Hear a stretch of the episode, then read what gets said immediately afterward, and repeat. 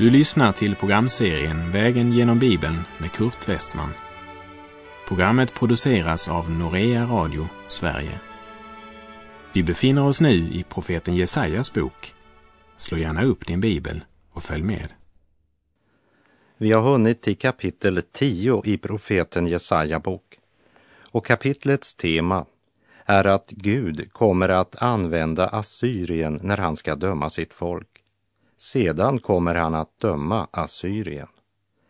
Och jag vill än en gång påminna om att vi nu vandrar genom den rad av profetior som började i kapitel 7 och sträcker sig till och med kapitel 12. Det handlar om profetior givna under den tid då den dåraktiga kung Ahas regerade. Han vände sin Gud ryggen och ledde sitt folk till avfall. Det är på denna mycket mörka bakgrund Jesaja kommer med sina förutsägelser och talar rakt in i den lokala situationen. Samtidigt så ser han genom tidsåldrarna fram till den dagen då Gud ska upprätta sitt rike här på jord. Jesaja kapitel 10 är ännu ett anmärkningsvärt kapitel i Guds ord. Vi får en inblick i Guds suveräna handlande, Guds principer, när han genom sitt gudomliga ingripande tar itu med nationer och enskilda människor. Kapitlet börjar med en kort analys av rättsväsendet vid den här tiden. Och orättvisorna i rättssystemet återspeglas också i folklivet och kulturen och leder till Herrens tuktan. Och som vi ska se när vi nu vandrar genom kapitel 10 så kommer Gud att använda Assyrien när Gud ska tukta sitt folk som har avfallit från honom. Och Assyrien står som en symbol för det land i nord som i den yttersta tiden ska komma och angripa Immanuels land, det vill säga Israel. Profetian handlar både om en ganska nära förestående framtid samtidigt som den innehåller ett profetiskt budskap för Guds folk i ändetiden. Vi läser Jesaja 10, vers 1. Ve dem som stadgar orättfärdiga stadgar och skriver orätta lagar. Här vill jag påminna om vad profeten sa i kapitel 5, vers 20. Ve dem som kallar det onda gott och det goda ont och gör mörker till ljus och ljus till mörker. Ett verop över alla dem som förnekar Guds norm för vad som är rätt och orätt genom att ersätta normerna med lagar som ger människan lov att göra det som är orätt i Guds ögon. Ve den nation vars lagar formas av ogudaktiga människors meningar och tidsålderns strömningar. Ve de som fastställer lagar som ger synden rätt och skapar en kultur utan Gud. Ve de beslutande som skriver orätta lagar för att förvrida rättvisan för de nödställda och beröva de nedtryckta i mitt folk deras rätt för att göra änkor till sitt byte och plundra de faderlösa, som det står i Jesaja 10.2. Det handlar om att missbruka makt och positioner. Det är ett verop över den som sviker sitt sociala ansvar för egen vinning. Och det är högaktuellt i vår tid. Landets lagar och skolsystem återspeglar inte Guds ord och Herrens heliga vilja. Istället anpassas lagarna efter denna tidsålders ogudaktighet, gudsbespottelse och omoral. Laglösheten tar överhand så till den grad att inte ens barnen går trygga, utan utsätts för övergrepp både i hemmen och på dagis. Gamla kvinnor och män rånmördas i sina egna hem. Intriger, lögn och äktenskapsbrott Ja, det serveras som underhållning. Och ett folk som avfallit från Gud väljer sådan underhållning. Det talas speciellt i vers 2 om de nödställda, änkor och faderlösa. Och jag tycker att det är underligt att de flesta partier skriker i valtider efter rättvisa. Men ändå får de svagaste i samhället det allt sämre. De nordiska flaggorna, de har alla en korsmärkt fana. Och det fanns också en tid i vårt land då landets lagar inspirerades av Guds heliga ord och de tio bud. Men nu säger lagen att ett foster kan mördas i mors liv. Och Sodoms synder som till exempel homosexualiteten, som var en av orsakerna till att Sodom blev ödelagt, det har av svensk lag upphöjts till rättighet. Man kräver till och med att synden ska välsignas i kyrkan. Vem bryr sig om nationens gamla och sjuka? Ansvaret gäller inte bara politiker, ämbetsmän, industriledare, präster och pastorer, men det angår oss alla. Men här i början av Jesaja 10 så ropar Gud ett särskilt ve över dem som formar ett lands lagar och de som tjänar innanför rättsväsendet. Och i vers 3 så ställer Gud följande fråga. Vad ska ni göra på räkenskapsdagen? När förödelsen kommer fjärran ifrån, till vem ska ni fly för att få hjälp? Och var ska ni göra av era rikedomar? Gud säger till domare, ämbetsmän och politiker. Ni ska föra Guds talan. Ni ska representera mig och ge folket rättvisa. Speciellt de nödställda, änkor och faderlösa. För ni ska ha klart för er att det kommer en dag då jag ska döma er. Det är allvarligt att tänka på i en tid då den kriminelle ofta får bättre vård än offret. Varje kriminell ska ha rätt till en rättvis rättegång. Men han ska också dömas till ansvar för vad han har gjort. Även en laglydig medborgare ska väl ha rätt till trygghet och rättvisa. Jesaja kapitel 10, vers 4 den som inte faller på knä bland fångar måste falla bland de dräpta. Med allt detta upphör inte hans vrede, hans hand är ännu uträckt. Herren straffar orättfärdigheten. Det kommer ett ögonblick då även den mäktigaste eller rikaste måste skörda vad han har sått där orättfärdigheten regerar och man har vänt Gud ryggen. Där tränger orättfärdigheten genom på alla plan i samhället.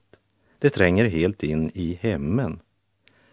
Alla dessa som på 60-talet förkunnade att om vi bara blev kvitt alla dessa kristna värderingar, alla normer och gränser, så skulle svenskarna bli så fria och så glada. Om det var sant, det de sa, ja, då skulle ju svenskarna vara världens lyckligaste folk just nu. Men syndens och lastens budbärare bedrog oss. Gud och hans heliga vilja, det är inte ett hot mot vårt liv. Tvärtom. Gud är livets förutsättning. Men vi har vänt Gud ryggen och vi står under Guds dom och vrede.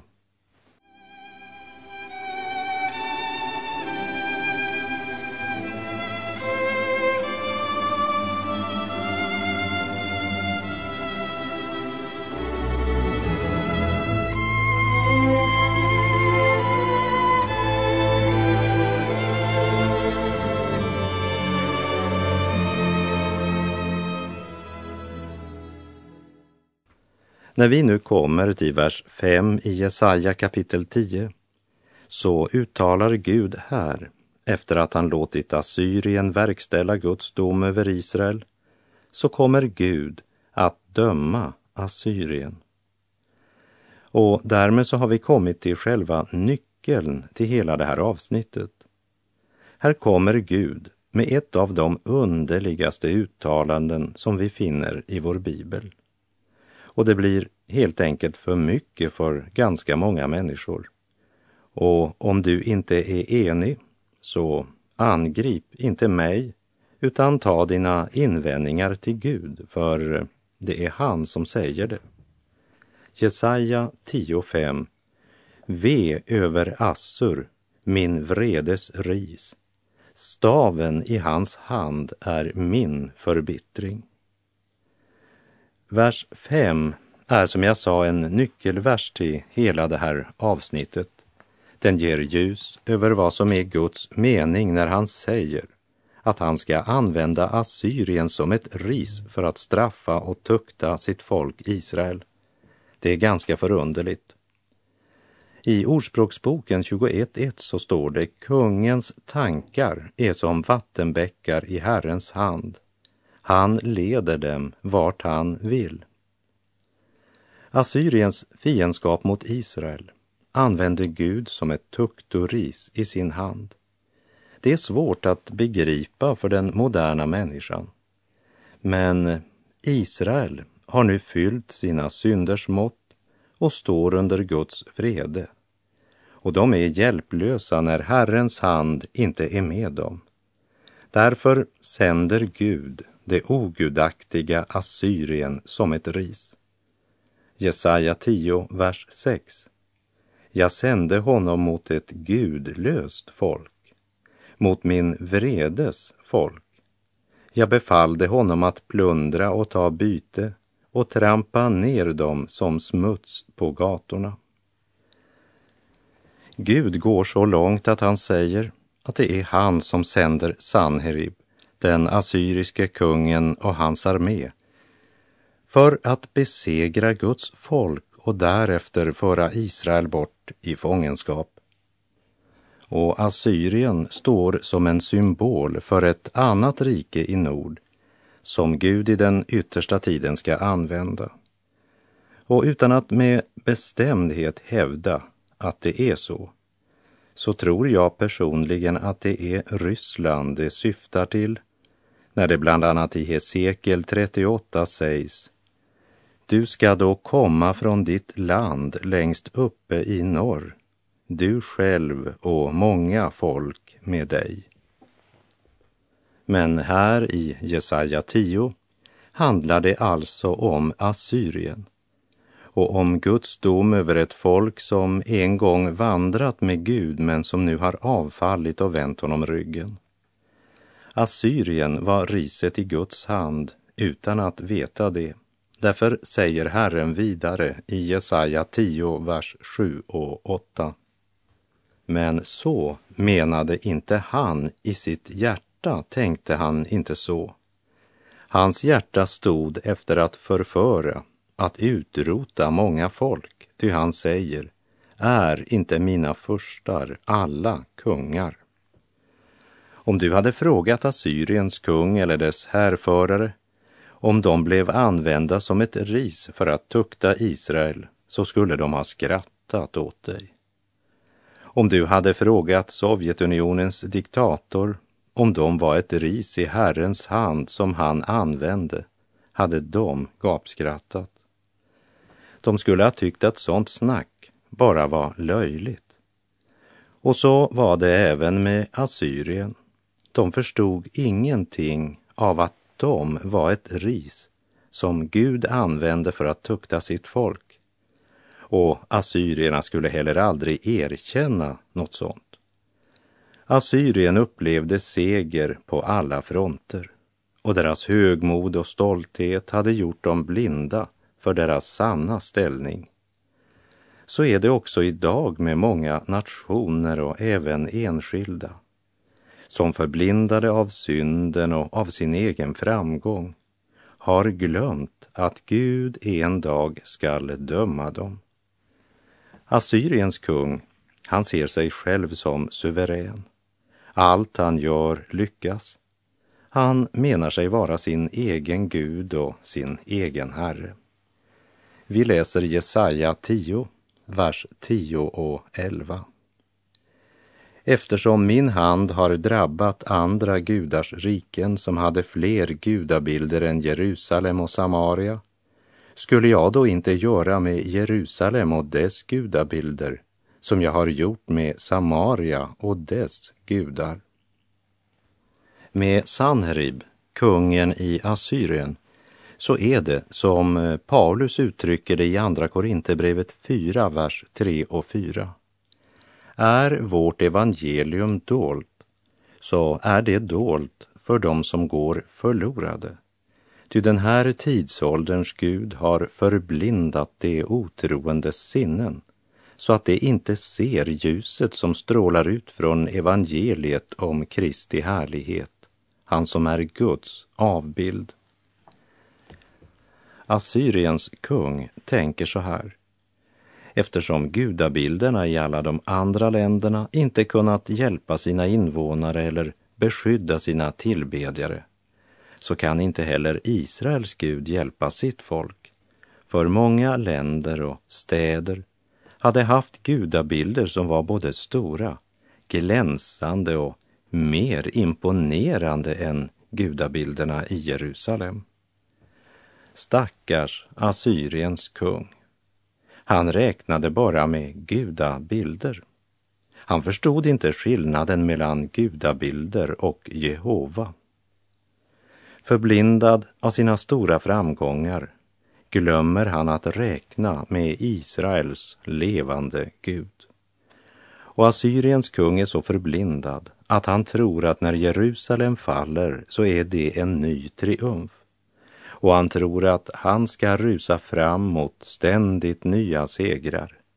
Fast sanningen om honom är att han nu rusar mot stupet, mot sin egen undergång, mot Guds dom.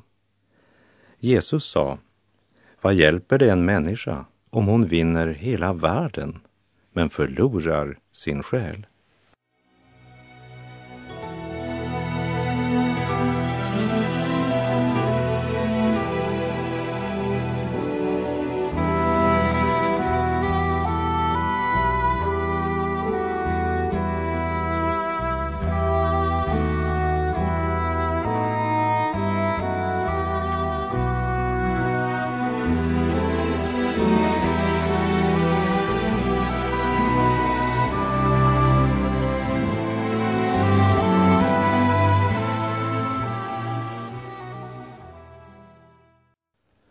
Jesaja kapitel 10, verserna 7 till och med 11 uppenbarar för oss hur Assyriens kung tänkte när han drog ut för att strida mot Jerusalem.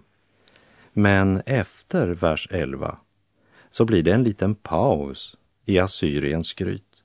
För i vers 12 där möter vi Guds värdering av Assyriens till synes framgångsrika verksamhet. Jesaja 10, vers 12.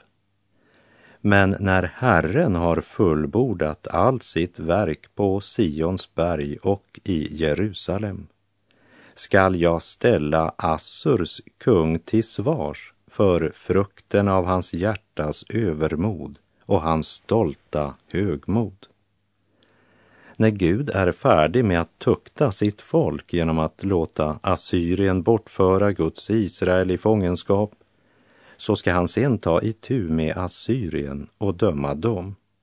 Och historien visar att de inte heller kom undan Guds dom. Och genom profeten Jesaja förkunnar Gud för folket att det är han som har kontrollen även om ett avfälligt folk inbillar sig något annat. Gud är helig och rättfärdig och han dömer synden både hos nationer och enskilda. Gud hade något att säga Israel genom profeten Jesaja. Men Gud har också några frågor till Assyriens kung och folk.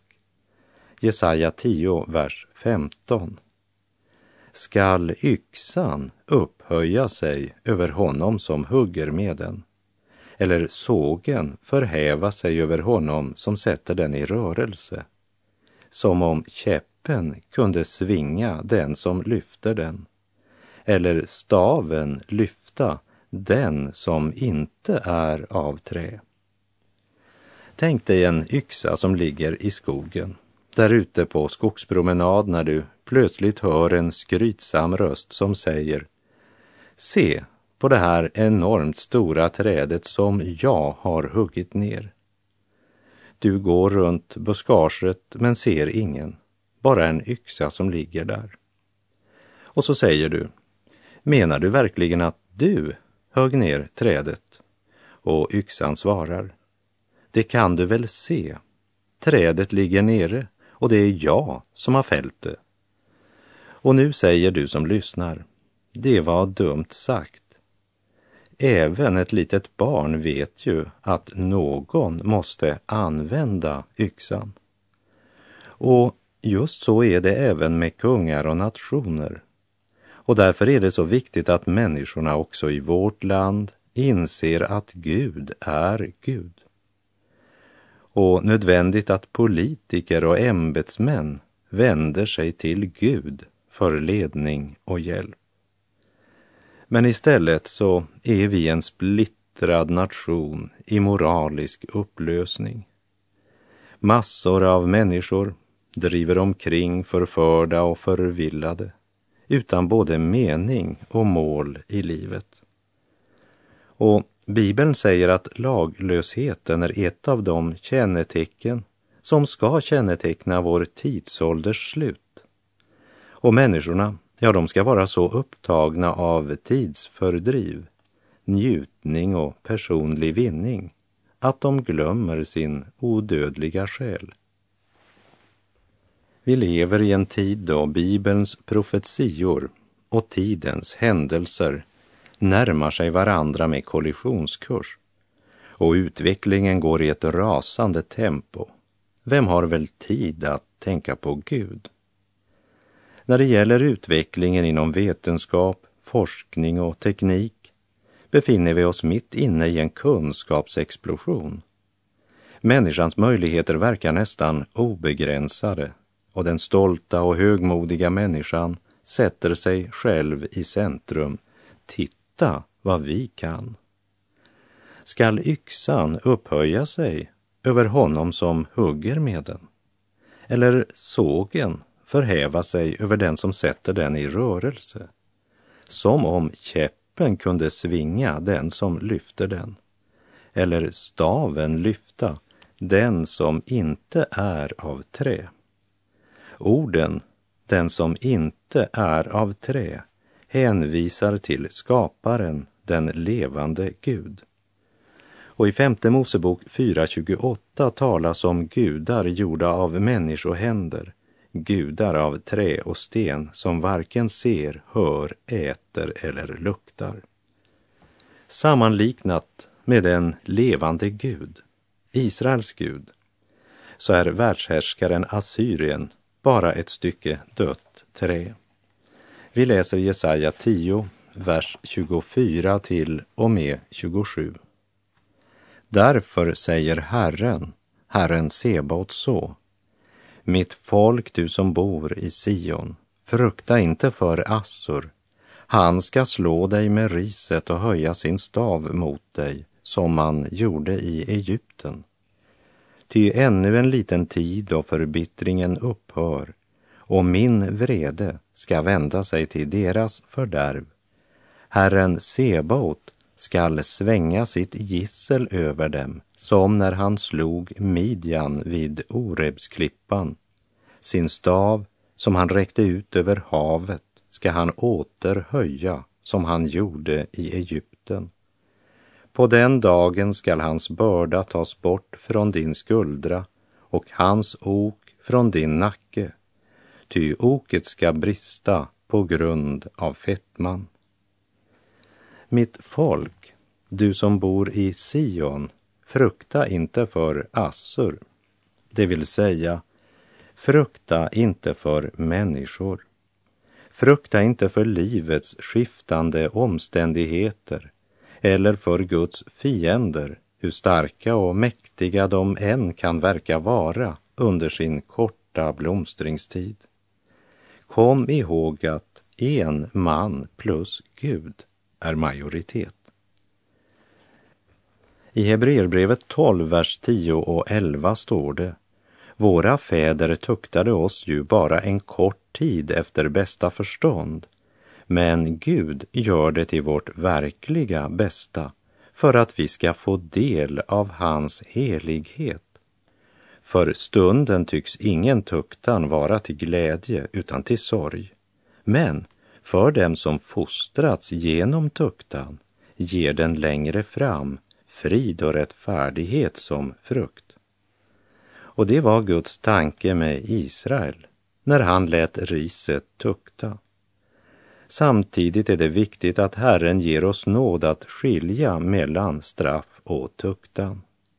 För vi som lever i det nya förbundet där Kristus, det slaktade lammet, har tagit vårt straff på sig. Men utan Herrens tuktan ville ingen bevaras hos Gud. Och med det så är vår tid ute för den här gången. Jag säger på återhörande om du vill. Det är till din fostran som du får utstå lidande. Gud handlar med dig som med söner. Och var finns väl en son som inte tuktas av sin far? Herren vare med dig. Må hans välsignelse vila över dig.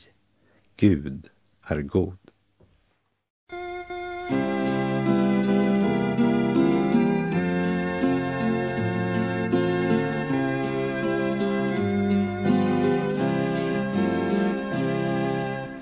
Allt som fördunklar